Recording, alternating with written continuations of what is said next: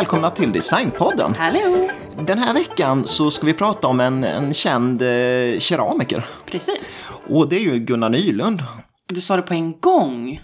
Ja, men vi kommer fram till att det blir lite så här fånigt när vi så här, eh, Jo, det, sk- de- skjuter på jo, det och sen jo. så står det redan när man går in det är på... så sant. Ja, så att eh, ja, det, det är ju Gunnar Nylund. Det är klart det. Eh, Och han, han är ju ett av de där stora namnen förknippas med stengods och eh, djur. Ja. Mycket. Och det kommer vi ju prata om också. Eller miniatyr. Miniatyrer också, absolut. Djur vet jag inte om jag tänkte riktigt på innan. Ah, Okej, nej, det, det ju, men han är i alla fall välkänd och just eh, liksom, eh, ett av de där namnen vi ville göra ett avsnitt om. Självklart.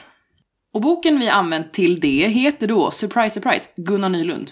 Ja, Eller ja, den heter också Konstnär och industriformgivare av Petter Eklund, utgiven av Historisk Media och eh, Rörstrands museum 2017. Mm.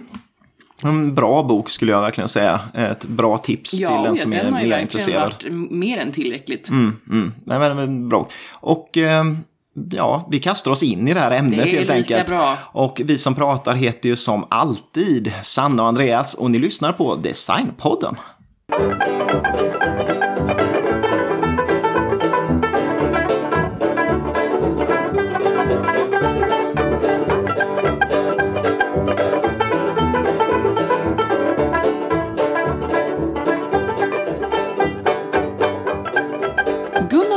Föddes den 1 maj 1904 i Paris faktiskt. Det tyckte jag var otippat Mm. Jaha. redan från första Ja, mening. det hade jag ingen aning om. Nej, hans pappa var den finlandssvenske bildhuggaren och konstnären Felix Nylund. Hans mamma var dansk och även hon konstnär, men också författare och lärare. Hon hette Fernanda. Oh. De ska ha träffats på ett tåg mellan Köpenhamn och Paris och eh, blev då kära och sen så kom de att stanna i Paris i några år.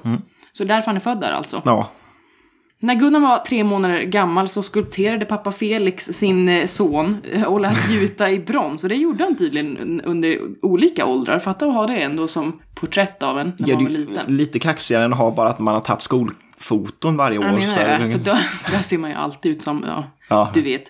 Kaxigt i alla fall att kunna ha sen. Gunnars barndom var ju då fylld av föräldrarnas konstnärsvänner. Det brukar ju vara lite så va? Och det var då mycket kreativitet. Det är ju som Ja. gjort för att man ska bli någonting Ja, kreativt själv. Dras med i det där. Precis va? Hans pappa var tydligen av den gamla självcentrerade konstnärsskolan som ofta triumferade kring sina egna verk och ja, han tyckte om att prata om sig själv och sina prylar. Sympatiskt. Ja. Han tog eh, tydligen också väldigt långa inspirationsresor så det var mest mamma Fernanda och eh, barnflickorna som tog hand om Gunnar. Ingen surprise heller på den tiden ju, Nej. men ändå. 1906 flyttar familjen till Köpenhamn och en vän till familjen i Köpenhamn var Harald Bing. Jaha. Känner du igen Bing? Ja, det kan nog vara... Mer än från Chandler menar jag. Ja, jo, jag kan tänka mig att ha en viss keram, eller porslinsfirma där. Precis, va? han var då disponent för Bing och Gröndal och han skojade med Gunnar från, från tidiga år och hälsade honom välkommen till fabriken när han blev äldre. Okej, ja. Familjen var ofta splittrad i och med olika resor och arbeten och 1910 flyttade Felix till Helsingfors. Mm. Efter ett tag så reste Fernanda och Gunnar efter och de köpte en tax där. En tax. Jag ville bara ta med det för att jag älskar taxar så. Ja. Den heter Kurre. Kurre. Det låter inte som en hund, kurre. Men... Tänker du på katt eller? Eller på ekorre i... Ja, ekorre Ja, och hockeytränare, men ja. Jaha, usch då. Familjen byggde ett hus i Grankulla utanför Helsingfors och där kom Gunnar också att gå i skolan. Mm. En skolkamrat till honom var Kurt Ekholm som kom att bli konstnärlig ledare för Arabia. Ja, just det. Så de är liksom samlade på något sätt allihopa. Ja, det känns verkligen så att alla har en koppling till Alla, hela tiden. Det ja, sa jag ju till dig för någon dag sedan, Ja. men det, det känns verkligen så. precis, att världen är liten. Ja, eller att det bara var en viss klick som blev något. Ja, sannolikt var det så att viktiga kontakter, annars var det nästan omöjligt. Precis va? Det här huset de byggde kom att eh, brinna ner efter bara ett år och Kurre med sina valpar brann inne. Aj då. Jag vet. Det vill jag också bara ta med för att det var sad. Ja, Det har det ingen betydelse för Gunnar i sig, men kanske satte sig som en tagg där och det var därför han gjorde sina djur sen, det vet man inte. det är sant. Strax innan inbördeskriget bröt ut i januari 1918 så flydde mamma och Gunnar med ett tåg till Haparanda. Och det blev tydligen en väldigt dramatisk resa enligt boken med Ja. beskjutningar mot tåget och broar som sprängdes. Det låter ju verkligen Ja, Helt sjukt, men ja, möjligen att det var så ändå. liksom det, det är ju krig, det är ju krig så... exakt. Familjen återförenades i Danmark samma år på sommaren. Och Gunnar kom att utbilda sig på Birkeröds konstskola. Pappa Felix utbildade samtidigt Gunnar i bildhuggar... Huggarkonsten? Ja. Heter det så? Ja, det Kanske. Och det gjorde han tydligen i sex år, så han... Det är klart man blir bra då. Jo, men för att hålla på tillräckligt länge så måste man bli bra nästan. Gunnar tog studenten 1923 och samma år så bosatte sig Felix i Finland för gott. Så att ja, de verkar aldrig ha varit samlad med mer än några år i taget. Korta perioder och hoppat mellan olika länder och sådär också. Ja. det är hejvilt. Gunnars första arbete blev att göra två urnor med motiv av mattvävning till en mattbutik. Jaha, det var väldigt udda. Men det var, ja, men det var någon kontakt till pappan såklart. Det var inte Såklart. bara att det, det bara blev inte. Nej. Men ändå är det lite udda. Ja, absolut. Men det, de finns inte på bild, så det är ju inte många som vet hur de såg ut. Nej. 1925 är han praktikant på en arkitektbyrå. Det är inte heller så ovanligt att, Nej, det, har, det- att det har pluggats och praktiserats på arkitektbyråer. För han kommer ju då också att studera arkitektur på Konstakademin på Charlottenborg i Köpenhamn. Samma år som han börjar hade skolan precis eh, moderniserats så att faktiskt kvinnor kunde söka på samma villkor som män. Oj då. Yeah! Här var det modernt. Precis va? Samtidigt så jobbar han då extra på Bingo Gröndal. Ja, det är där han kommer in ordentligt på. Precis Liksom. va? Och bara efter ett års pluggande så hoppar han av för att då istället jobba som konstnär på Bingo Gröndal. Nu, redan nu formas hans tankar om att kombinera Stengodsets konstnärlighet med möjlighet att massproducera. Ja, just det. Det, det är typ det som står om man googlar honom. Ja, Att det är det han ville. jo, men det är väl I det en som mening, en liksom. sån här röd tråd genom hela livet. Precis. Han började karriären med att göra olika skulpturer och vaser i jugendstil, för det var ju ändå den som var rådande. Jo, det var väl det som gjordes på den tiden. Men Gunnar som då studerat arkitektur var då påverkad av eh, mycket mer modernare personer. I synnerhet Le Corbusier. Mm. Och han ville då förnya stengodset. Exakt. Men han kom ju då i konflikt med den mer konservativa konstnärliga ledaren på Bingo Gröndal och han kom faktiskt att lämna fabriken. Och lite på grund av den här att, att de inte ville hänga med i det här nya. Precis va? Men han lämnade inte ensam. Även glasyrkemisten Nathalie Krebs följde med. Och de kommer då att starta någonting tillsammans istället. Ja. Jag kommer till det. Men när Gunnar eh, slutade så kontaktade han Wilhelm Kåge på Gustavsberg i hopp om att få utveckla serviser där. Ja, Men Kåge ska ha sagt nej för att det, det var hans jobb. ja han ville inte ha konkurrens där. På det. Men med den här Nathalie Krebs då så samarbetar de under firmanamnet Nylund och Krebs. Logiskt. Ja, det, är- till, det börjar så. 1929 så började de sin förnyelse av stengodset med mottot Rena färger, enkla former, gediget hantverk och god teknik. Översatt av mig. Ja, Så det var, man ska aldrig var helt... citera mig, Nej. så. Nylund formgav då. Mm. Och Krebs brände godset och utvecklade glasyrer. Mm. Men efter en tid så var de tvungna att anställa någon mästerdrejare, Olsen. Men jag vet inte vad människan hette i förnamn, för det stod inte i Nej, boken. okej, men- men... Ja, han får vara med också. Okej, för att kunna göra helt enkelt de här baserna och det. Vid den här tiden så hade västerländskt stengods fått en status som men fin kultur på något sätt och köptes av en liten krets samlare. Gunnar ville då ändra på detta och demokratisera stengodset. Nu till flera genom att rationalisera tillverkningen i serier och sänka priserna. Mm. Nylund och Krebs döptes 1930 om till Saxbo. Just det. Deras produkter kom att säljas på en butik som heter Bo i Köpenhamn. Bara där.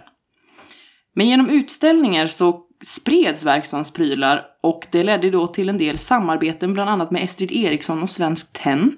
De gjorde en utställning tillsammans. Och den besöktes av Rörstrands disponent Knut Almström. Jaha, ja. Och han såg då Gunnars potential. Och 1930 så lämnar Gunnar Saxbo. Och känner att eh, nu ska han in på Rörstrand där. Precis va? Och 1931 så anställs Gunnar som konstnärlig ledare. Mm, Restaurang. Det är ganska... Det är ju direkt Coolt. in i hetluften verkligen där. Precis va? Och han ska tydligen själv ha skrivit på 70-talet. Mm. Citat då. Ja. Jag var då en fanatisk keramikeryngling, 27 år gammal och full av energi, med Corbusiers programförklaring i fickan översatt till svenska. Funktionella, moderna, vackra vardagsvaror. Mm. Som konstnärlig ledare för Restaurang så var han ju då den kreativa drivmotorn och det var han ungefär till mitten av 40-talet med några avbrott. Mm. Enligt boken så uppfyllde han bilden av det manliga geniet med sin vita rock och omgiven av sina arbetare. Det finns flera citat i boken av en Rolf Olofsson som var produktutvecklingschef på fabriken under samma tid. Ja. Och han säger bland annat att eh, Gunnar var en stor man på fabriken på den tiden, en tveklös diva. Han var en intressant människa och väldigt annorlunda mot alla andra. Just i att han hade ett sånt väldigt självförtroende. Ja. Men eh, känns det som det var lite som hans pappa där också? Att han liksom är lite liknande där Ja, va? men det lär man väl bli. Ja. Antar jag. Ja. Rolf säger också, jag hade en gyllene regel på Rörstrand. Stålhane sålde inget vidare. Nylund sålde alltid bra, så när det kom till nyheter beställde vi 100 Stålhane och 200 Nylund. Ja. Gunnar var till en början en väldig tillgång på Rörstrand, men han kom ju också att bli ett problem faktiskt, för han, han såg som en ensam stjärna. Medan direktör Fredrik Wettje ville att företaget som helhet skulle glänsa. Mm. Och detta kom ju faktiskt att leda till att han slutar på Rörstrand, men det, det är lite oklart när. Ja, jag har lite om det tror jag. Ja, lite bra. löst sådär i, i min del sen. Då tar jag inte mer om det. Han skriver själv i ett brev till Hjalmar Olsson, VD på Gustavsberg 1953. Mm. Jag drog mig tillbaka självmant 1944 från befattningen som konstnärlig ledare av Rörstrand då jag av Vettje började motas in i en vrå. Ty han ansåg att mina framgångar blivit för stora. Det stod för lite om Fredrik och för mycket om mig i pressen då. Det gäller bara att lansera ett namn, sedan att kväsa det enligt Vettje. Jag fick ej heller sköta konstavdelningen ensam, utan det sprang små ingenjörer mellan benen på en från alla håll. Slutcitat. Han ville vara lämnad i fred helt enkelt och få göra som han ville. Det kan man lugnt säga. 1953 så börjar Gunnar jobba för Strömbergshyttan och 59 blir han konstnärlig ledare på Nymölle stenkärlsfabrik i Danmark. Men du ska ju prata mycket mer om Jo, om, om föremålen och lite mer kring det. Precis, så det ska du få göra nu innan Ja. jag går vidare allt för långt. Exakt.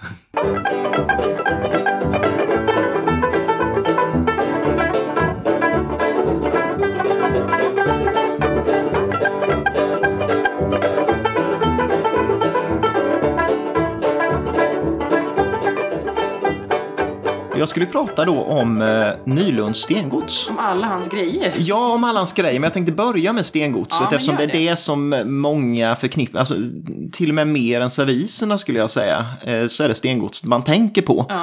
Och då tänkte jag börja och nämna några ord om stengods bara som eh, gör material i allmänhet då va. Och man kan väl säga att stengods, då syftar man ju både på själva föremålen, basen och det, det kan man ju säga att man samlar på stengods. Eh, Då menar man ju egentligen inte, man samlar inte på materialet då, utan man, man samlar på... Nej. Men, men stengods är ju också ett material då förstås. Eh, och det är ju stengodslera. Så det Vad är är ju, det då? Är det krossad sten i? Eh, nej, det är ju en, viss, Va? det är en speciell typ av lera som används vid keramiktillverkning. Och den innehåller mer eh, kvarts än till exempel sten. lergodslera. Ja, det är det ju, men det är inte producerat så, utan den finns på vissa ställen som man bryter eh, stengodslera. Och om man säger den här stengodsleran, den innehåller kvarts då, medan vanlig lergodslera som man har lerkärl och så, det innehåller mer aluminium. Och det som är lite kul med den där leran det är att den finns bara på vissa ställen. Eh, för att den är något som man kallar då primärlera och det behöver man inte gå in på. Men, Nej, det, men det innebär i alla fall bara att den, den finns nära den plats där den har bildats på. Eh, Ja, men hur skulle, va? Ja, Ja, hur men- skulle den ha färdats? Jo, för att lergodslera, det färdas långa vägar med vatten. Jaha, med vatten. Det dras med vattnet, men eftersom kvartsen är tyngre än Ah, ja. aluminium så ligger den kvar på ett ställe. Så att det gäller ju att man har ett ställe att bryta den där på. Och det har ju, har ju varit avgörande för var någonstans det uppstått stengodstillverkning. Ehm, man bränner eh, stengods vid ungefär 12 till 1300 grader, relativt högt. Och ehm, vid bränningen då så sintrar materialet, det vill säga att det, liksom den, den förenas, partiklarna förenas med varandra, det glasar i det här fallet. Och Mhm. då får man ett eh, gods som är liksom hållbart och Jag tänkte vattentätt. säga, är det så hållbart som det låter som att det är? Ja. Det är det, det är hållbart och vattentätt. Eh, och det är bra också, det där har vi pratat om tidigare andra avsnitt, men Ja. just ett sådant material som är vattentätt som gör att det måste inte vara helt glaserat för att ehm, eh, inte det ska tränga in vatten i det, så att säga. Va? Ehm, det är järnhalten på materialet som avgör vilken färg det har, så därför kan stengods ha ganska olika färger, så att man kan inte säga att det ska bara vara det här bruna till exempel, för det kan vara relativt vitt också. Eh, Det första stengodset dök upp redan 1900 f.Kr. i Oj. området kring Afghanistan, Iran någonstans där. Men egentligen idag så förknippar man stengodset mest med Kina och det var väl för att man omkring 1500 f.Kr. så liksom förfinade man eh, liksom hur man eh, brände det och man fick ett. Väldigt länge och det är ju ett sånt klassiskt material som absolut inte uppstod i och med de här funkisvaserna på Nej, du. 40-talet. Liksom. Men om man säger Nylunds stengods då. Eh, alltså han hade ju hållit på med stengods innan han kom till Lidköping Rörstrand då. Hans pappa har ju lärt han grejer också, så kanske att det var ju lite grann i samband med det. Jo, men absolut. Men när han kommer till fabriken i Lidköping så ser han deras stora rundugnar, dessa stora cylinderformade ugnar som han brände i. Ehm, och då upptäckte han att de brände vid ungefär 1400 grader. Och det var ungefär 100 grader för högt egentligen för stengods. Så det första han fick göra var att börja modifiera ugnarna för att lyckas få ner temperaturen i dem. Och det lyckas han med. Och sen sätter han igång då med stengods eh, på Rörstrand. Och ganska snart, redan sommaren 1931, då ställer han ut för första gången med stengods från Rörstrand då, på något som hette Axvalla folkhögskola. De verkar finnas kvar fortfarande, fast den låg mellan, då ligger mellan Skara och Skövde. Och det här är ju en ganska liten grej och det är ingenting som eh, kanske så många gick på. Men som av en händelse så kom kronprinsparet till Nej. den här eh, utställningen han hade där. Och det uppmärksammades i pressen och eh, det var ju naturligtvis Rörstrand väldigt glada för. Mm. Och sen kommer då den stora utställningen och det är i december 1931. Och då ställer den 28-åriga Nylund ut på Galleri Modern i Stockholm. Och Galleri Modern har ju varit en sån här extremt viktig plats för modernismen i Stockholm. Vi pratar om bland annat eh, Greta Magnusson Grossman ställde ut där och så vidare. Så att det är ju, jag tror att Bruno Mattsson ställde ut där också. Så, där. så det är ju många av de här riktigt stora namnen som har börjat egentligen sin, sin bana eh, via utställningar där. Och eh, det här blev väldigt, väldigt uppmärksammat. Alltså första dagen så besöktes utställningen av 3000 personer och det är ju mycket Jesus. på ett galleri. Ja. Eh, Och det sägs också att polis var tvungen att kallas dit för att bringa ordning i köerna. Och om det stämmer, det vet man väl inte riktigt, men det är väl en bra försäljnings, eh, försäljningsknep. Eh, hur som helst så, han, av alla de, det var väl, jag tror det var 400 föremål som han ställde ut och alla utom en handfull blev Samma år sålda som han började? direkt. Ja. Så att, eh, jo men han satt väl igång direkt helt enkelt och göra Ja, fast föremål då. det är ganska fascinerande. Eh, Men precis som du var inne på, alltså det som var karaktäristiskt för eh, Nylunds stengods, det var det här funkistänkandet. Eh, att eh, liksom inte fokusera på skrytpjäser utan fokusera på serieproduktion.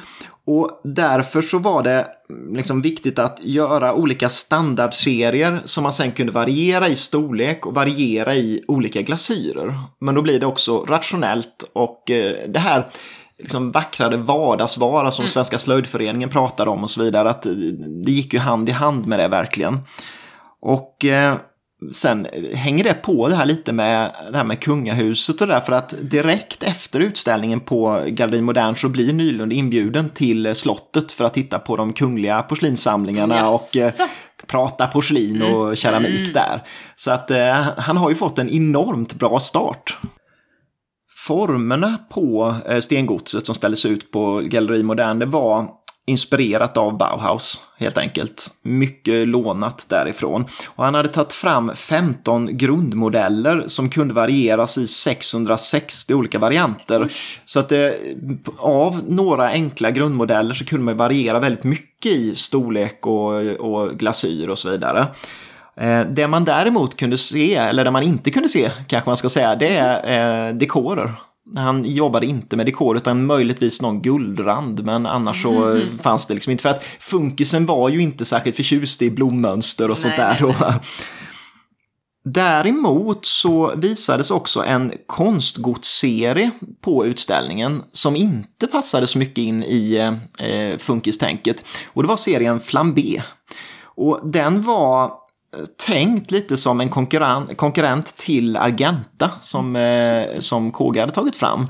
Och den, vad ska man säga, den är ju mer art, art deco än funkis, absolut. Den har eh, eh, mönster som kunde vara lite så här fantasifigurer, landskap eller rent geometriska eh, figurer. Eh, Och den, men den togs fram på ett helt annat sätt än Argentan och det var att den här målades i olika lager i någon sån här kobolt och järnmättad underglasyrfärg. Och sen så ristade man fram dekoren i sgraffito-teknik som är just det där så att det blir ju en helt annan känsla på mönstret. Men de är extremt effektfulla. Och sen så yttersta lagret då målar man guldkanter på och så vidare på figurerna och så. Coolt. Så att den är ju jättefin men skiljer sig jättemycket mot, eh, eh, mot andra som ställdes ut. Och så bör man nämna också att redan här så har Nylund med djur också. Bland annat gör han en, ett lejonhuvud som blir väldigt uppmärksammat. Och han har sagt senare att det är ett självporträtt. Så att han var lite Oh. kaxig då. Oh God. va? Men det här lejonhuvudet köps, köps av Nationalmuseum. Asså. Eh, Så att eh, han blir uppmärksammad för det. Och eh, Rörstrand de använder en slogan sen efter det och det är lejonet och kaffekoppen om sitt, för att visa på bredden i Nylunds repertoar. Då. Men Vettje ville inte betona bara honom, stod det ju. Nej, det kan jag tänka mig. Men... Det var väl väldigt... Ja, det är väl eh, ja. så att jag tror att eh, vår kära Nylund var, och sen kan det vara också att Nylund ville vara ännu mer ego kanske än vad, Mm. Än vad som borde. ja, än vad som är rimligt om man säger då. Jag tänkte nämna något auktionspris att slänga Ja, in så här mitt släng i det här. Och jag tänkte nämna just på eh, den här eh, flambé-modellen Ja, då, eftersom den är väldigt fin. Man kan väl säga att flambé, den är lite som eh, även med Argentan, att det skiljer ju i kvalitet extremt mycket mellan olika pjäser, både i eh, godset och hur avancerad dekor det är och så. Så att de flesta där kostar väldigt lite pengar. Man kan få för en spottstyver liksom en, en, en pjäs. Vad skulle du säga att en spottstyver Ja, men då kanske man får för en hundralapp eller sådär. vill då, veta. Ja, men det, det man ska veta där är att de här riktiga praktpjäserna som är de man väl egentligen vill åt, då stora klotvaser eller, så här, eller något väldigt fint eh, landskap och så, då kostar de eh, en bra bit över 10 000 kronor. Så att eh, ja, man får ha lite pengar för att köpa något riktigt fint där. Eller köpa fult för en spottstyver. Men det vill man ju inte göra Ja, men riktigt. någon kanske Ja, det är sant. Någon vill göra det. Och man kan ju säga att vid tiden för den här utställningen på eh, Galleri Modern så då höll ju hela den svenska keramikindustrin egentligen på att förändras. Eh, man kunde se att Gustavsberg, de hade ju också kört eh, sedan några år egentligen sådana här standardiserade serier, bland annat med Kåges Carrara-gods. Och Uppsala Ekeby, de hade ju gått in på sitt den här ganska tråkiga egentligen, men grönsvarta porslinet som är väldigt typiskt sen för Uppsala Ekeby. Så att funkisen börjar ta över där och eh, standardtänket. Men det till trots egentligen då så uppmärksammades Nylund inte så mycket för stengods de kommande åren sen. Och det kan vi tycka är lite konstigt för att han får så jättebra kritik och, och kunderna verkar ju finnas där. Men det berodde mycket på att Rörstrand flyttade hela sin produktion eh, till Lidköping. De hade en fabrik i Göteborg tidigare. Och då låg det liksom, ja man måste ju börja satsa på eh, nya fabriken och nya tekniker under den här perioden. Och, eh, och sen blev fokus också av någon anledning på serviser snarare än konstgods.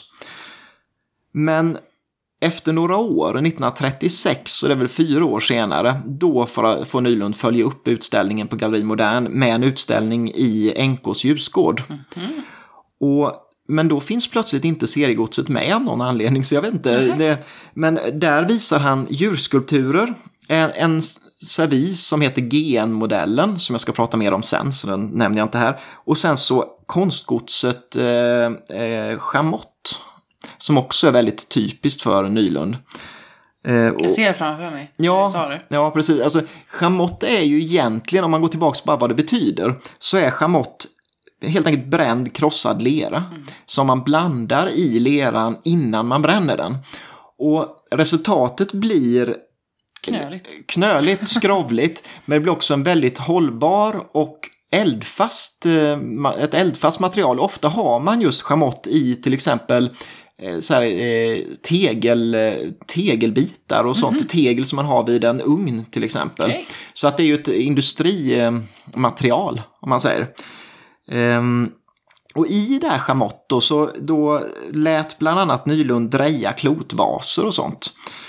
Och det här kommer bli ett vinnande koncept. Eh, året efter utställningen, 1937, då, då kommer till exempel igelkottsvasen. Och den är ju än idag väldigt förknippad med Gunnar Nylund. Och det är ju som en vas, lite klotvasaktig. Eh, men sen så har man rispat ytan så att det nästan ser ut som, ja egentligen ser det mer ut som päls än en igelkott. Ja, det är det. Men eh, päls... den är inte spetsig Nej, så. men den heter ju inte pälsvas. Det skulle hetat pälsvasen egentligen Fast det kanske. Men... låter lite äckligt. Ja, det är bättre med igelkottsvasen. Men de dyker upp där i alla fall och eh, de, man, man sprayade dem med emaljfärg som fick rinna ut mellan de här, som man- vad man nu ska kalla det, taggarna då. Men, eh, päls. Ja, päls. Pälsbitar. Ja, men där det går in i alla fall blev det tjockare. Och emaljfärgen gav ju ett ganska glatt och, och liksom... Eh, Shiny. Ja, ett, ett glatt och eh, färgglatt intryck då. Va? Så att det blir en, en försäljningssuccé. Och idag om man vill köpa en eh, sån där igelkottsvas, då kostar de, jag kikar lite på Tradera och jag tycker att de går ju kring tusenlappen någonstans. Så så, att eh, det är ju inte jättebilligt men inte jättedyrt heller. Men sen beror det ju lite, det finns ju olika storlekar och vissa färger är ju mer populära. Men jag tycker de är fina. Jag med.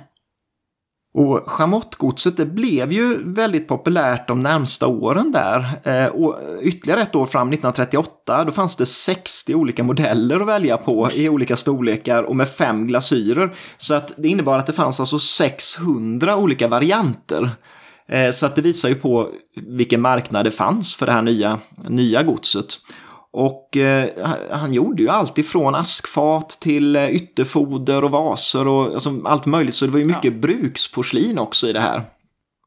Sen var nya fabriken i Lidköping klar 1940 och då stängdes Göteborgsfabriken helt. Eh, och det här är ju under en period där det är ganska svårt med distribution och så för att ja, andra världskriget rasar ju i Europa. Och mycket av de här lerorna som man använde, de behövde man egentligen importera och det kunde man inte göra. Men det till trots så ville man satsa hårt igen nu på eh, Nylunds konstgods. Förmodligen lite för att Ja, man kan ju tänka i alla fall att det berodde på att nu är nya fabriken klar, nu måste vi ha så här profilprodukter och, och eh, sånt. Och eh, man visste ju att eh, Nylunds grejer gick hem. Eh, ja, så, så nu får ju då Nylund i uppdrag att ta fram fem nya stengodsserier. Och i varje serie skulle det ingå en ja, 15 till 20 exemplar ungefär. Och här visade sig nog lite den här konflikten mellan Nylund och ledningen på Rörstrand. För bland annat visar då Nylund tre olika, eller ja, två olika hade jag här, det var Tibro och Pergola, det var två serier som han ville ha. Men det fick han nej på. De sa att nej, nej det här det blir ingen serieproduktion av de här. Och då fick han gå tillbaka till ritbordet och det var en lång process mellan just det här att Nylund tog fram en modell till att den verkligen kunde gå i, i produktion. Så jag tror att redan här börjar nog gro lite det här missnöjet att han inte får göra som han vill. Lite barnsligt. Ja, det är det ju för att han måste ju förstå att han kanske har en idé men det finns andra som kanske förstår marknaden lite bättre. Och sådär. Vad vet vi? Ja. Eh, I april 1942 så är det återigen dags för en utställning på NKs ljusgård. Eh, Och den kallade man fantasifulla namnet Stockholmspremiär för Nylunds nya stengods. Usch. Det var ju informativt men ganska tråkigt namn då. Men, men här, på den utställningen så då var det seriegods igen, men Nylund hade frångått lite det här strikta funkistänket i, i, eh, i alla sina serier. Och det var liksom lite mer klassiska modeller snarare än de här rena funkismodellerna och eh, glasyren var lite gladare helt enkelt. Och många har ju sagt att det där berodde på att folk förknippade funkisen med kriget. Och det kan man kanske tänka, alltså krigsmaskiner jo. och det här, man, man längtade och att det är enklare och så. Ja, man längtar tillbaka till det här lite glada Carl Larsson-världen igen. Va? Eh, och... Eh, under den här perioden så inspirerades Nylund av antiken och asiatisk keramik. Och sen så har folk sagt då att han gav det en touch av Bauhaus, så det får man väl lov att säga för att det är ju klassiska modeller men det har ju den här lite funkis liksom stuket ändå. Och det som visas eh, på utställningen 42 det är ju början till det här mest klassiska Nylund-stengodset eh, till exempel då. Ehm, och flera modeller dyker upp där som, som blir storsäljare under en jättelång tid. Och det är bland annat modellerna GH, GM, NE och GN. Oh, nej, de, vi, vi, går inte in på dem nej, något, men det som kan vara värt att nämna är att de får sådana här funkisnamn. Eh, alla får bara modellbeteckningar mm, helt enkelt. Och det är väldigt funkis. Och eh, det som då... Det är svårt att komma ihåg. Ja, det är svårt att komma ihåg, men det man ska nämna däremot, det är att här blir det också väldigt viktigt för Nylund att använda glasyrerna eh, fullt ut. För han inser ju att glasyren är ett sätt att eh, liksom, eh, variera stengodset på ett egentligen ganska billigt sätt. För man har en modell och sen så kan man göra flera olika eh, dekorer på, eller inte dekorer utan glasyrer på mm, den då. Va? Och om modellerna då var väldigt tråkiga namn på så hette däremot eh, glasyrerna så här väldigt eh, fantasifulla saker. De hette Arktis och Sudan och Lavendla och de skulle då spegla istället hur det ser ut då. Så möjligtvis att det ändå var riktat mer till konsument då. Och ja. sen så sa man inte de här, Nej, ja jag vill ha en GH, det, det sa man förmodligen inte, men jag vill ha däremot, jag vill ha den i Arktis. Så, var det blått? Ja, det var säkert något blåaktigt. Ja, jag kommer inte ihåg hur den såg ut, men ja. Vitaktigt. Sen har du varit inne på det också, men eh, det man sa i pressen om utställningen 42, det var att hur kan de hålla så låga priser? Mm. Och det var väl just det att det var inte mycket dyrare att köpa någonting av Nylund än att köpa en liksom, lågkvalitativ importvas. Och det var väl ganska viktigt för det blir ett bra försäljningsargument och särskilt oh ja. under kriget för folk har inte mycket pengar. Nej, man köper ju inte vaser kanske. Nej, det är ju inte det första man tänker på. Och, men då var det ett sätt att fortfarande ändå kunna sälja mm. bra. Smart. Ja. Och sen är andra världskriget slut. Och efter kriget så då producerar Nylund väldigt mycket olika modeller. Mellan 47 till 50 så eh, tog han bara i Chamott så tog han fram ett 60-tal modeller till. Så, och det dyker bland annat lampfötterna upp här och de ja. ser man ganska, ganska ofta idag. Eh, och sen skulle jag vilja nämna en sak här som jag är en favorit också. Ah, det ja. han har gjort. Och det är 48, då gör han de stora snäckvaserna. Ah. Och de är ju väldigt, väldigt fina. De och det är, ju, det är ju vad det låter som. Mm. För det är snäckor som är ganska naturtrogna. Och de tre stora hette gondolsnäcka, drottningsnäcka och öronsnäcka. Och de ser väldigt exklusiva ut. Mm. Men man ska komma ihåg att det är ändå seriegods. Så att det är ju inte unika konstpjäser utan det är ju ett seriegods men med den här exklusiva touchen på. Då, va? Och det visar också väldigt tydligt att eh, det är ju en antik prägel på ja. den, det måste man ju säga. Ändå. Ja, ja, oh ja. Och vill man då ha en sån där snäcka som man vill, ja. Då tyvärr måste man ha ganska mycket pengar upptäckte no. jag. För jag, jag kollade runt lite på olika auktionshus och se vad de här har gått för. Och bland annat sålde eh, Metropol i Stockholm en, eh, en gondolsnäcka, den största varianten. Ja. Jag tror den är 38 cm hög eller något, och det, det, är ju ganska kraftigt. 2015 sålde de en för 19 000. Oh.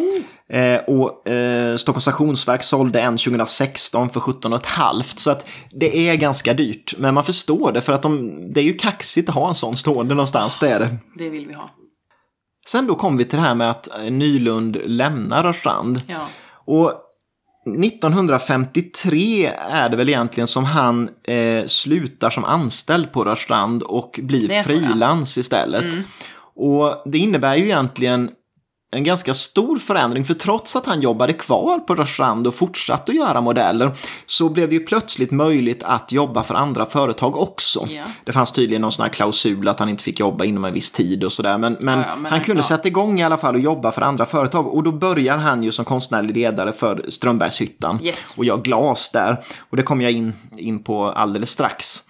Men stengodset under den här perioden, eh, när han börjar som frilans på, på Rörstrand, då blir det ännu mer antikt influerat. Eh, så att det blir mycket räfflor, klassiska hänklar, inte de här funkishandtagen utan det är liksom en, en hänkel som en hänkel ska se ut ja, på ett, ja, ja. Eh, ett keramikföremål. Och även fotprofiler som är ganska typiska för det här gamla antika grekiska keramiken då. Och då kom, under den här perioden så kommer kanske hans största storsäljare. Och det är en Henkelvas som heter ARL. Och jag tror att alla har sett den. Asså. Det är en fullständigt värdelös vas. Eh, och den, den kom till 1953. Och den är ju liksom, den är mjukt formad och så har den en hänkel i ena sidan. Men sen så längst upp så är den så här jättelitet, litet, litet hål. Eh, så man kan inte använda den till någonting. Eh, men den blev väl en gå bort-present helt enkelt. Och, eh, så att någon annan inte kan använda ja, den? precis va. Mm -hmm. Så att den producerades alltså mellan 1953 och 1970 i hundratusentals exemplar. Oj, oj. Och den dyker ju upp ganska ofta på Tradera och så. Och med tanke på att den har tillverkats i så många exemplar så kostar den inte så mycket pengar. Nej. Och den, Henkelvaser i regel är ju inte jättepopulära. Eh, och de kostar, ja jag hittade klubbslag på Tradera på mellan 3 till 500 kronor ungefär ja. för en sån. Så det är ett billigt sätt att äga något av Nylund. Mm. Mot slutet av 50-talet så är ju inte Nylund aktiv alls vid eh, Rörstrand. Men 1963 så knyts han återigen som eh, frilans vid företaget. Och då lyckas de locka honom med en garanterad årslön också förutom det här frilansgrejen. Så att han fick 20 000 om året om han, eh, oavsett vad han gjorde. Och eh, Problemet där är väl bara att tiden har förändrats ganska kraftigt. Samhället har förändrats. Nu fanns plötsligt Beatles, det fanns eh, Flower Power-aktigt, det fanns liksom ungdomskultur. Och då är det ju plötsligt ett problem med de här mörka stengodspjäserna som inte så många vill ha längre. Och Nylund är ju, hur man än säger, liksom, han är mörka stengodspjäser. Ja, ja. Och han kunde aldrig riktigt anpassa sig till den nya, eh, liksom den nya världen. Um, och dessutom under den här peri perioden så går det ju fruktansvärt dåligt för Rörstrand och man är väldigt nära och uh, får lägga ner. Och den här Vettje som du pratade om innan, mm. han får sparken 1963 mm -hmm. och företaget köps 1964 av Uppsala Ekeby. Och då vill de ju försöka bara rädda det som räddas kan. Ja. Så att de ska modernisera fabriken, och rationalisera produktionen och det man bland annat gör det är att man lägger ner något man kallade lillugnen och det var en ugn där man brände Nylunds eh, konstgods i. Och det är ett problem. Ja. Och förmodligen blir ju Nylund inget glad över de här förändringarna. Så att han jobbar på men han gör ingenting bra egentligen och ingenting man egentligen... Med flit? Jag vet, alltså, han hade nog ingen skaparglädje tror Nej. jag. Eh, han tar fram ett exempel som man kan nämna som är ganska slående för hela hans produktion under den här sena tiden på Rörstrand. Det är eh, serien Petitess från 1964 då. Det är ska man säga, det är gjutna eh, vaser och, och, så i den här serien. Men man, han har låtit gjuta in drejränder i så den ska se handgjord ja. ut. Men egentligen är det tunt och taffligt gods och den är absolut inget bra. Och det blir ganska typiskt för det som mm -hmm. kommer ut ifrån mm. fabriken under den här tiden. Och det blir nog ofta så när det går dåligt och man ska försöka rädda det som räddas kan. Det är inget bra för det. Det var ett omotiverat namn också. Ja, att det heter petitess. petitess. Ja, en riktig petitess. Sen i september 1970 då kommer Nylunds sista seriegods för Strand. Och det var en skål som hette NSV och två vaser. Och de är inte värda att nämna ens en gång. Nej, för att du, du har är, det just. Jo, men de är... Eh, det är bara upprepning av allt han ja. har gjort tidigare och inget nytt. Skit. Lite tråkigt det här att, att det mynnar ut i ett stort ingenting egentligen från att vara något väldigt stort. Mm. Men det är lätt att det blir så när samhället förändras och så vidare. Jo. Och 1970 i december då så gör Rörstrand av med alla sina konstnärer. Stålhane blir kvar men ingen mer. Och då slutar också eh, Nylund där mm. förstås.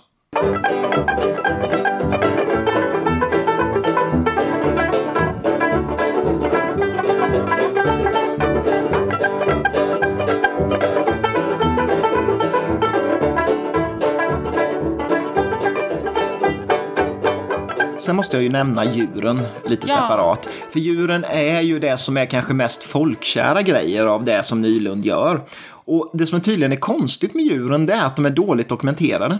Mm. De fanns aldrig med riktigt i priskuranten och så från Rörstrand och de ändrades liksom från år till år och det är inte dokumenterat hur många som tillverkades och när de formgavs och så vidare. Men det man kan nämna i alla fall det är att det fanns olika nivåer. Mm eh, olika hur exklusiva de olika var. Aha, ja. Och då var det de mest exklusiva, nummer ett där, det var de unika djuren förstås. Och det är sånt som gjordes till olika utställningar och vissa inredningar. Ja, som det där lejonhuvudet. Ja. Liksom. Det är ju extremt Enskilda. exklusivt. Ja. Inte lönsamma för att det kostar för mycket att ta fram dem, med viktiga marknadsföringen. Det var nivå två. Det var en djur med unik glasyr som var anpassad till ett visst uppdrag. Mm. Och då är de ju unika, fast inte formen i sig, men kanske en väldigt spektakulär glasyr till en viss inredning. Sen nivå 3, det var numrerade serier med djur.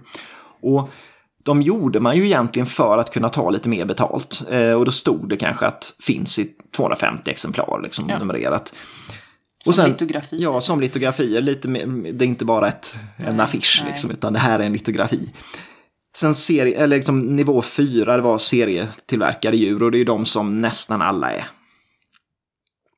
Och det fanns en egen avdelning på fabriken där man gjorde just djuren. Eh, och egentligen, man, man tänker så här, men det är ju gjutna figurer så att det är väl enkelt att göra dem. Men det var inte alls så enkelt som man kanske kan tro. Mm -hmm. För att ofta gjordes de i många olika delar, för det gick ju inte att gjuta dem bara i ett stycke. Som en fasan som var i den i sex delar eller något sånt där. Och då ska det sammanfogas på ett bra sätt, det ska putsas innan det ska, och sen ska det liksom, ja. och allt, så det är mycket som kan bli fel och det var ganska dyrt och krävde mycket kunskap för att kunna göra eh, djuren. Och lite grovt sett så kan man säga att djuren utvecklades ifrån att ja, på 30-talet då så var de lite mer så humoristiska och grova i sina former. Och sen på 40-talet då blir de ju graciösa och mjuka och lite mer naturtrogna. Jag tänker på någon iller eller någon hermelinaktigt jag såg. Mm, den mm. måste ha varit 40-talet. Ja. Den var väldigt slank. Ja, precis. Väldigt så här eh, mm. vackra mer. Mm. Medan de andra är mer så här eh, en kul karikatyr ja, liksom. Ja. Eh, sen på 50-talet, då glider det in lite mer mot det abstrakta hållet för att eh, tydligen gillade Nylund Picasso så att han hade inspirerats mm. därifrån. Så det finns vissa serier som är väldigt så abstrakta, konstiga liksom, djur. Och de sista djuren gjorde Nylund faktiskt redan i mitten av 50-talet. Så att det är ju ganska tidigt i livet ja. egentligen ändå. Men eh, sen så fortsatte man ju att producera djuren efter det. Men det ritades inga nya eh, modeller. Eh, men eh, några av de mest populära samlades på 60-talet i serien Fauna. Jag tror 19 djur i den mhm. serien. Så att eh, djuren blev ju en viktig del, men de verkar ändå vara lite så här ett sidoprojekt på, eftersom de inte dokumenterades så inte det liksom fördes fram Nej, på det sättet. Skumt. Jag vill ha ett lodjur. Ja, de är fina. Mm. Jag tänkte nämna ett par djur då, de är dyra klubbslag då, det är kul att är ta med. Djur? Nej, jag, jag det är ju tur, annars kan inte jag köpa. Nej, jag tror inte de är så dyra faktiskt. Eh, men eh, jag hittade här på Metropol, eh, mm. det är inte så ofta vi har med Metropol som auktionshus som, som dyra klubbslag, men just när det gäller stengods så har de en hel del riktigt bra klubbslag och när det gäller Nylund så är de högst på väldigt mycket. Och bland annat så har de sålt, alltså 2015 hade de en väldigt bra Nylund-aktion. Mm -hmm. Och då sålde de ett eh, ljust bockhuvud på träsockel ja. för 90, 29 000 kronor. Oj, oj, oj. Så det gick ju väldigt högt. Jag tror de har ropat det i alla fall under 10 000 i mm. värdering. Så att det var ju mycket mer populärt än vad, vad de trodde. Verkligen. Och eh, jag tror det var det högsta klubbslaget jag hittade i Sverige i alla fall ja, på, ja. Eh, på djuren. Sen hade ett grönt hästhuvud på träsockel sålts på samma auktion där för 24 000. Usch. Så att ja, det är fint. Men, eh, men bockhuvudet var ju det klart finaste också på auktionen skulle jag säga. Och nu har jag ju sagt att Nylund inte är sådär jätteförknippade med servisporslin, men eh, han har ju gjort jättemycket servisporslin och jag måste ju nämna en del om det också ja, förstås. Och jag tänkte eh, liksom börja med att nämna, bara just när man pratar om serviser och så, det finns två begrepp som man ska hålla isär. Och det är eh, liksom ordet modell och ordet servis. Med modell, då syftar man alltså på olika föremål. Eh, till exempel en alltså kopp, fat, sockerskål och så vidare. Som är gjorda i samma, med samma formspråk och som hör ihop. Medan med servis, då har modellen fått en viss dekor. Så att det gör ju att en, en, varje modell kan bli väldigt många olika serviser. Men för att förstå hur mycket då Nylund gjorde så kan man säga att mellan 1930 till 40 så ritade han ungefär 60 modeller för Strand och för eh, aktiebolaget eh, Lidköpings porslinsfabrik där som är märkt ALP. Och det, av de här 60 eh, modellerna kan ju bli väldigt många olika serviser verkligen då. Däremot verkar det inte vara dokumenterat faktiskt exakt vilka serviser som eh, eh, Nylund ritade åt eh, Lidköping under den här tiden. Så att man har bara gissat, man kan se i formspråket att det förmodligen är Nylund. Ah, ja. Och även sådana man skriver Nylund på finns det inga bevis riktigt på att det är han som har gjort. Eh, så att, men det var väl så på den tiden där tidigare då Ja, då tryckte man inte på formgivarnamnet och han var väl dessutom gan, alltså, relativt ung då så att han var ju inte den där riktigt stora stjärnan än. Nej. Sen då 1940-41 ungefär, då införlivades eh, Lidköping helt i Rörstrand och flera av de här modellerna från Lidköping de lyftes upp av Rörstrand. Och 1943 är sista året man märker porslin med ALP för Lidköping. Så det kan man ju komma ihåg att om man har något som eh, det står ALP så är det före 43. Mm. Och det som var lite med Rörstrand under 40-talet, det var att man hade otroligt mycket olika artiklar. Man hade 10 000 artiklar oh, i sin eh, katalog då. Och det, vis och det gjorde ju att kvaliteten, alltså det var väldigt spretigt. Vissa mm. saker var bra, vissa var mindre bra, vissa sålde bra, vissa sålde dåligt. Ja. Ehm, men jag, skulle, jag ska nämna en del då som har gjorts ändå, vissa, några modeller som är lite kul att av nämna. 10 000? Ja, jag ska inte nämna 10 000, men jag ska nämna några av ja, nyligen. Men håll det kort. Jag håller det kort. Och det är 1931 så kom Kronform. Och det var en ren funkisservis och en kraftig konkurrent då till Pyro som mm, Gustavsberg ja. hade lanserat 1929. Och det var ju då eldfast och jättemånga olika delar. Eh, den här kronform hade grön kant och sen där en stiliserad blomma i mitten. Mm. Och godset var eh, något man kallade då lite fint elfenbensfärgat. Oj, oj, oj. I själva verket så hade man lagt i järnoxid i godset för att det skulle få en lite beige ton. Så att miss... smutsvit. Ja, för att missfärgning inte skulle synas i godset så man inte behövde kassera lika mycket för då blev det billigare. Så att det, det har ju en ren praktisk funktion. Nej, men i, ja, smutsvit. Ja, ja. Men det kunde man inte säga. Eh, men Gustavsberg blev ju förbannad, för de tyckte att allvarligt talat, här har vi Pyro och så gör ni en exakt kopia ja, av Pyro. Ja. Eh, så att de anmäler det här och Svenska mm. slöjdföreningen de blir domare i det här fallet då. De ska utreda, är det en kopia? Har Nylund kopierat? Och de slår fast att ja, det har de. Eh, det är en mm. kopia. Mm. Men Rörstrand skiter i det helt enkelt och fortsätter producera ändå. Mm. Så att det är ju ett av de fallen där Nylund anklagas för plagiat och ja, han blir fälld i det här fallet. Och eh, kronform är inte populär idag. En, eh, på, jag kollade på Tradera och då gick en, sån här, en ganska fin smörskira med, med lock och fat och gick för 60 kronor. Så att eh, det kostar inte mycket pengar. Vad heter den? Eh, kronform. Sen kommer 1932 kommer en annan eh, serie och det är köksavisen Standard. Och den dyker upp på Tradera ganska ofta idag. Eh, och det är känt för sina syltkrukor. Men det finns också en kökshylla, en sån specerihylla i porslin i, i, det, i den serien. Eh, och känns väldigt mycket så här lantligt kök, shabby chic idag skulle oh, man väl fy. säga. Ja, Eller jo. Så vill och det, kanske inte låta. Och det är liksom, på, på Tradera går en, ett sånt där krus för omkring ja, en hundralapp kanske. Däremot är ju naturligtvis den här specerihyllan dyr. Den kostar ju säkerligen ett par tusen, men, men eh, de är ju alltid populära. Och som jag nämnde innan, 1936 så kom modell, eh, modell GN. Och eh, det var en ren funkisservis. Eh, och liksom, första servisen där Nylund lyckades kombinera det här, den industriell produktion och funkisformer med någonting som faktiskt folk gillade och som gick att sälja på ett bra sätt. Och det som var nyheten här, det var en tallrik som var brämlös. Alltså den hade ingen kant, för att många tallrikar traditionellt har ju en platt Ja. kant utåt. Men den här har en mjuk, eh, mjuk linje ända ner från botten, ända ut till yttersta kanten. Och det var ju bra. Nu var det bara det att eh, Gustavsberg blir förbannade igen. För de menar att det här är en ren kopia av KGs mjuka formernas servis som har kommit sedan tidigare.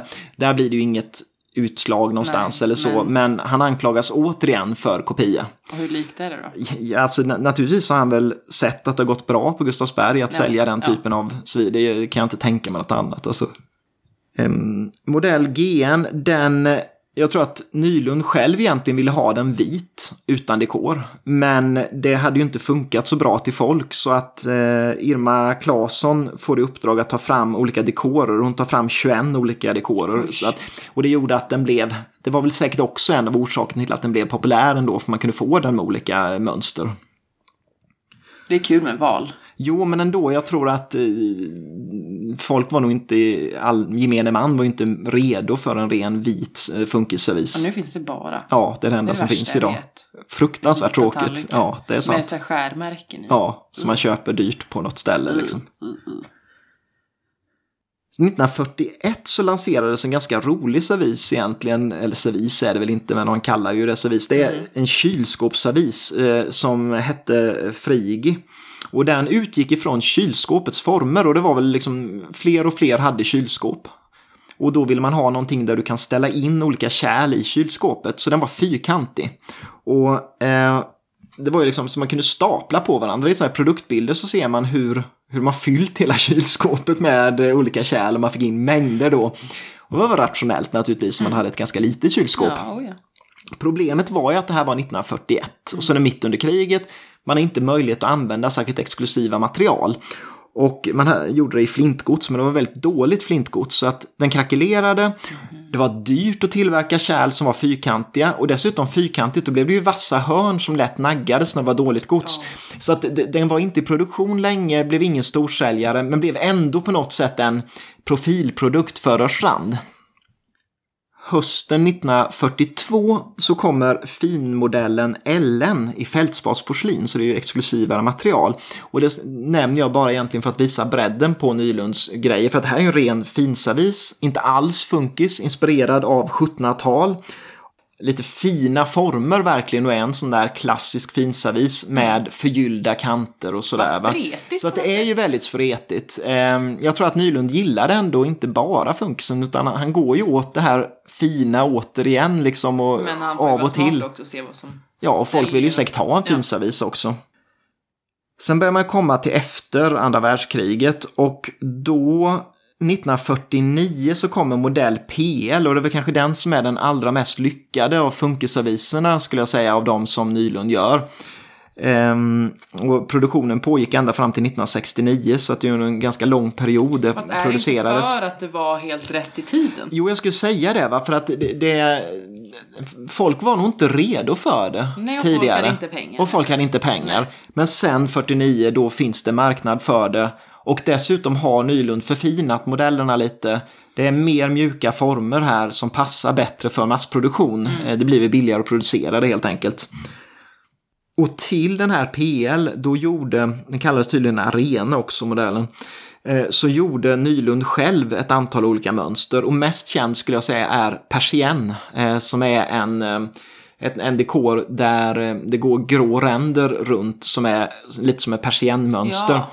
Men då finns det ju ett problem igen. Det är att eh, då har ju eh, Gustavsberg eh, servisen eh, grå ränder som KG har gjort. Nej. Och den är väldigt, väldigt lik den. Men så att Stig Lindberg har Gunnar. ringt och varit förbannad. Så att återigen så anklagas N-. Nylund för att plagiera KG egentligen är det återigen då va. Mm.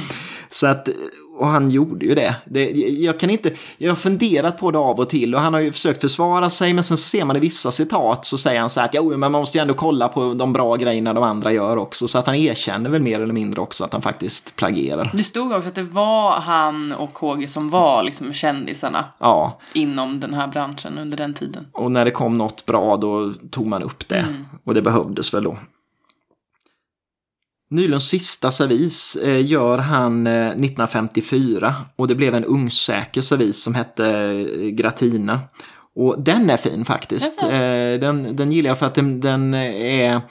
Det som är kul med den är att dels så är den eh, rektangulär, alltså inte hårt rektangulär, Nej, men har rundad. ja, rundat rektangulär. Och sen så är den lite väldigt, väldigt diskret ljusblå invändigt, men rubinröd utvändigt. Mhm. Åh, så att den är väldigt fin.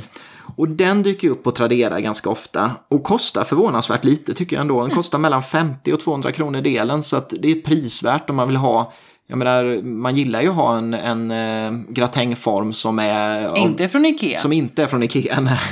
Slut. Citat, Citat. av mig. Ja. Några ord om eh, Nylunds glaskonst. Mm, och eh, det är för att eh, man bör nämna det men också nämna att det inte är så viktigt för att eh, han har ju, det har ju inte gått till, vad ska man säga, det har ju inte gått till historien. Och vissa blir ju förbannade om man säger så för att de samlar ju på Nylundglas och tycker det är fantastiskt. Men jag tycker väl inte det är så jättespännande. Och jag tycker att det är ganska så, vad ska man säga, eh, det är ju rätt dåligt dokumenterat också faktiskt. Och vad är det du vill Jo, nämna? det jag vill nämna är att eh, han börjar ju som eh, konstnärlig ledare på den här Strömbergshyttan Mm. 1953. Och det ligger ju utanför Lessebo i Glasriket, så det är ju småländska, småländska skogarna här va. Ja. Och eh, tanken tror jag väl var att Nylund skulle ge stjärnglans åt, eh, åt det här företaget, för Nylund är känt, så att då tar vi in honom. Och eh, han ställer ju ut glas redan året efter, 1954, på Nationalmuseum på en utställning som hette Svensk glas 54.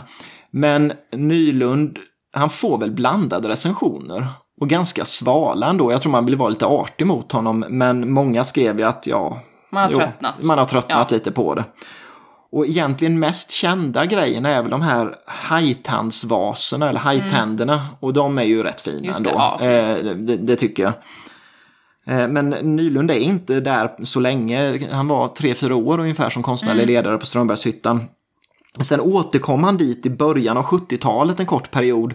Men det var ju efter att, och då hade han haft en strid med Strömbergshyttan innan så det är lite skumt. Men Mhm. tydligen berodde det på att eh, Asta Strömberg som också ritade glas där då, hon hade vidareutvecklat eh, Nylund-modeller och då stod de som Asta Strömberg och han fick inte royalty och det blev så här diskussion. Så att det man kan tänka på är också att mycket är ju, det är svårt att säga vad som är Nylund-glas från Strömbergshyttan och vad som är Asta Strömberg eftersom det glider ju liksom in i varandra där. Sen ska man nämna också att 1967 så jobbade han en jättekort tid för Glimma glasbruk också, men det är bara en parentes och eh, det bruket lades ner redan 69 så att det producerades ju väldigt lite där och jag vet inte alls vad det är för typ av grejer. Nej.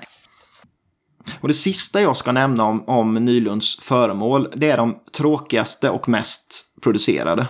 Och det är ju eh, jultallrikarna. Ja, För att, måste du? Ja, jag måste säga, alltså, för det här är, Ja, det är ett sånt säg. strålande exempel på hur samlarföremål inte är bra att köpa helt Mm. enkelt.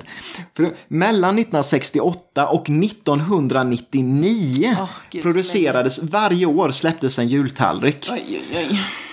Och inspirationen kom ju från tiden på Bingo Gröndal, för man ser ju att det har inspiration från det här danska porslinet. Det är en, en blåvit dekor och en lite, lite kvadratiskt, fast mjukt kvadratiskt eh, formad tallrik.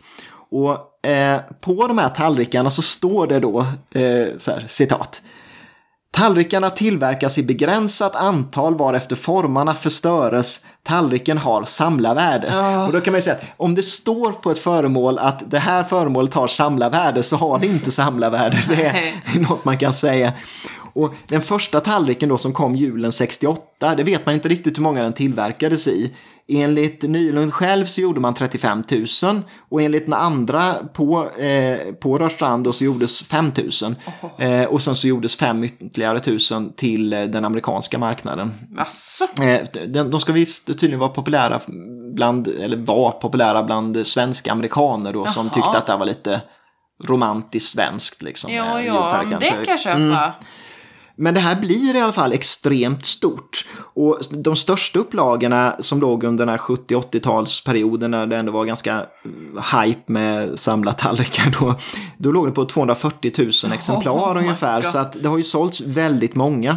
Under en period kostade den här eh, tallriken från 68 ganska mycket pengar. Den kostade ju kanske 5, 6, 7 tusen kronor. Men idag hittade något klubbslag på 150 kronor, något på 200. Så att, Ja men om varje Eh, svensk över 70 år har de här tallrikarna så, så är det ju ett problem. Nej, och det är ett typiskt exempel på hur samlarföremål, köp ingenting från så här Franklin Mint eller vad de heter, de här olika, vad det, det är så samla mynt och samlar, alltså det kostar ingenting med tiden. Nej, det är bra att du lär oss det. Så Ja, att man det- inte gör, gör bort sig. ja.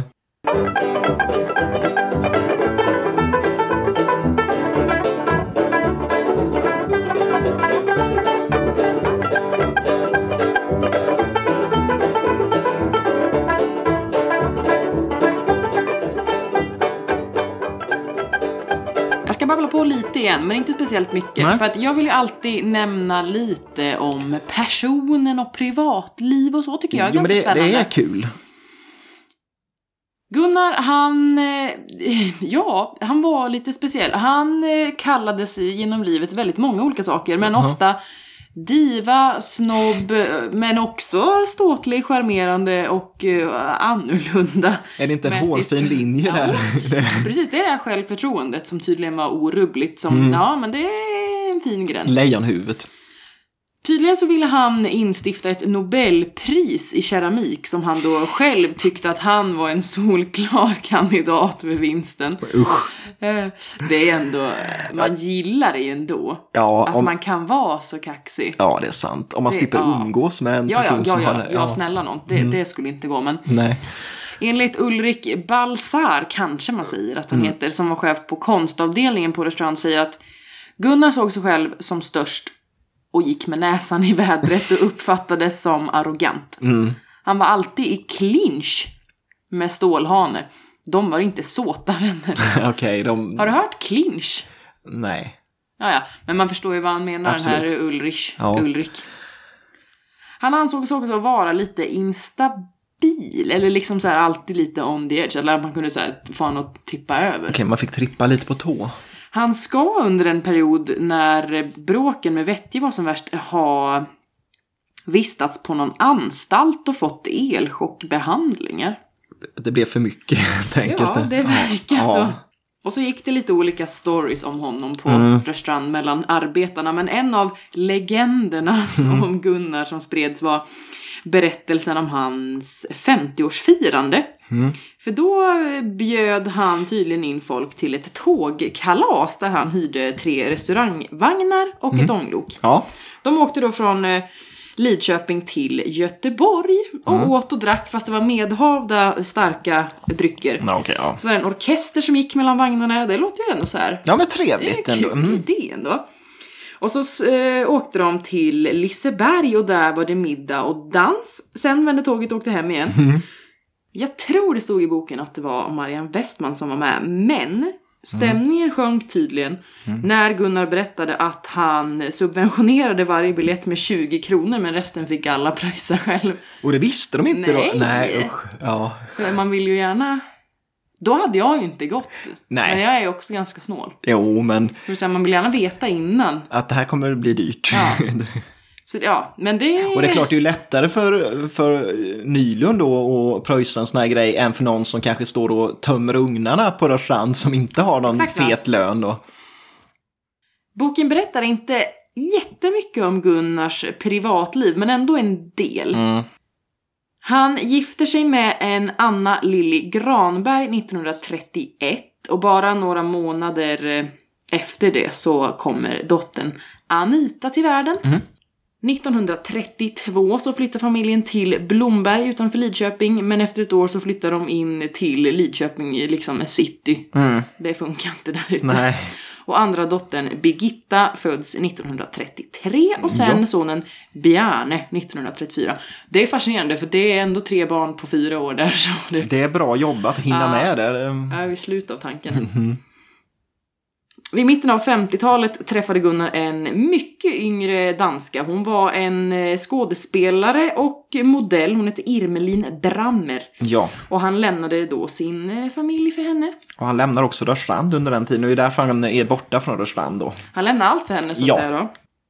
Hans barn var ju då i tonåren så det var väl inte jättetraumatiskt men i alla fall. Nej, men Hon ändå. lämnade allt och bara. Men de gifte sig i Köpenhamn 1955. Ja, Men redan ett, eh, ett antal år senare, stod inte exakt, så skiljer de sig. ja. Så det var ju ingen, ja. Eh, Nej, tydligen var det att de på Rörstrand, de hörde ryktesvägen att han hade skilt sig och det var då de sökte upp honom och hittade honom. Ja, för det står att han Ja. precis att han flyttade tillbaka till Lidköping. Ja, exakt. De hittade honom lite neddekad någonstans, står det liksom så här, och, och då- då får de med honom Aha, tillbaks till ja. Rörstrand igen. Då. Eller han flyttade till Kinnekulle och det vill jag ju, ja, det vet man ju alla vad man tänker på när man hör Kinnekulle. Eller alla, är det bara jag? Nej, Jag, jag, tänker att... Lisaholm. Ja, Men då kan man tänka på Gunnar också. ja, Att där bodde han. ja. Men efter jobbet med Scanisaurus-fontänen i Bromölla Ja, och det är kanske det bästa han har Ja, gjort. precis va.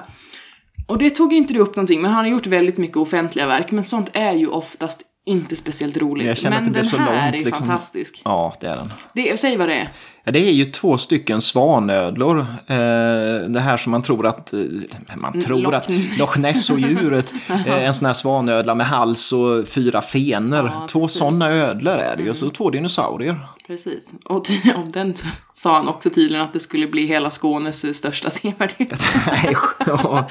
ja, ja, men det är det inte. Nej, det är det men, inte. Men efter det här arbetet i alla fall, då får, han, då får han smak för Skåne och så flyttar han till Lomma Mm. 1971. Vad har du i Lomma?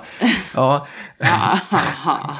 kan du placera Lomma på kartan? nej, jag kan inte placera Lomma. Jag har inte varit i Lomma. Skåne. Ja. Nej. Han är ju då pensionär, Mm. faktiskt. Men han är ändå väldigt verksam, så jag vet inte varför man vill betona att han var pensionär när han ändå är verksam. Nej. Eh, men han gjorde väldigt mycket hobbyforskning. Och det tyckte jag var spännande. för att- Forskning, ja. Ja, du ska bara höra. Ja.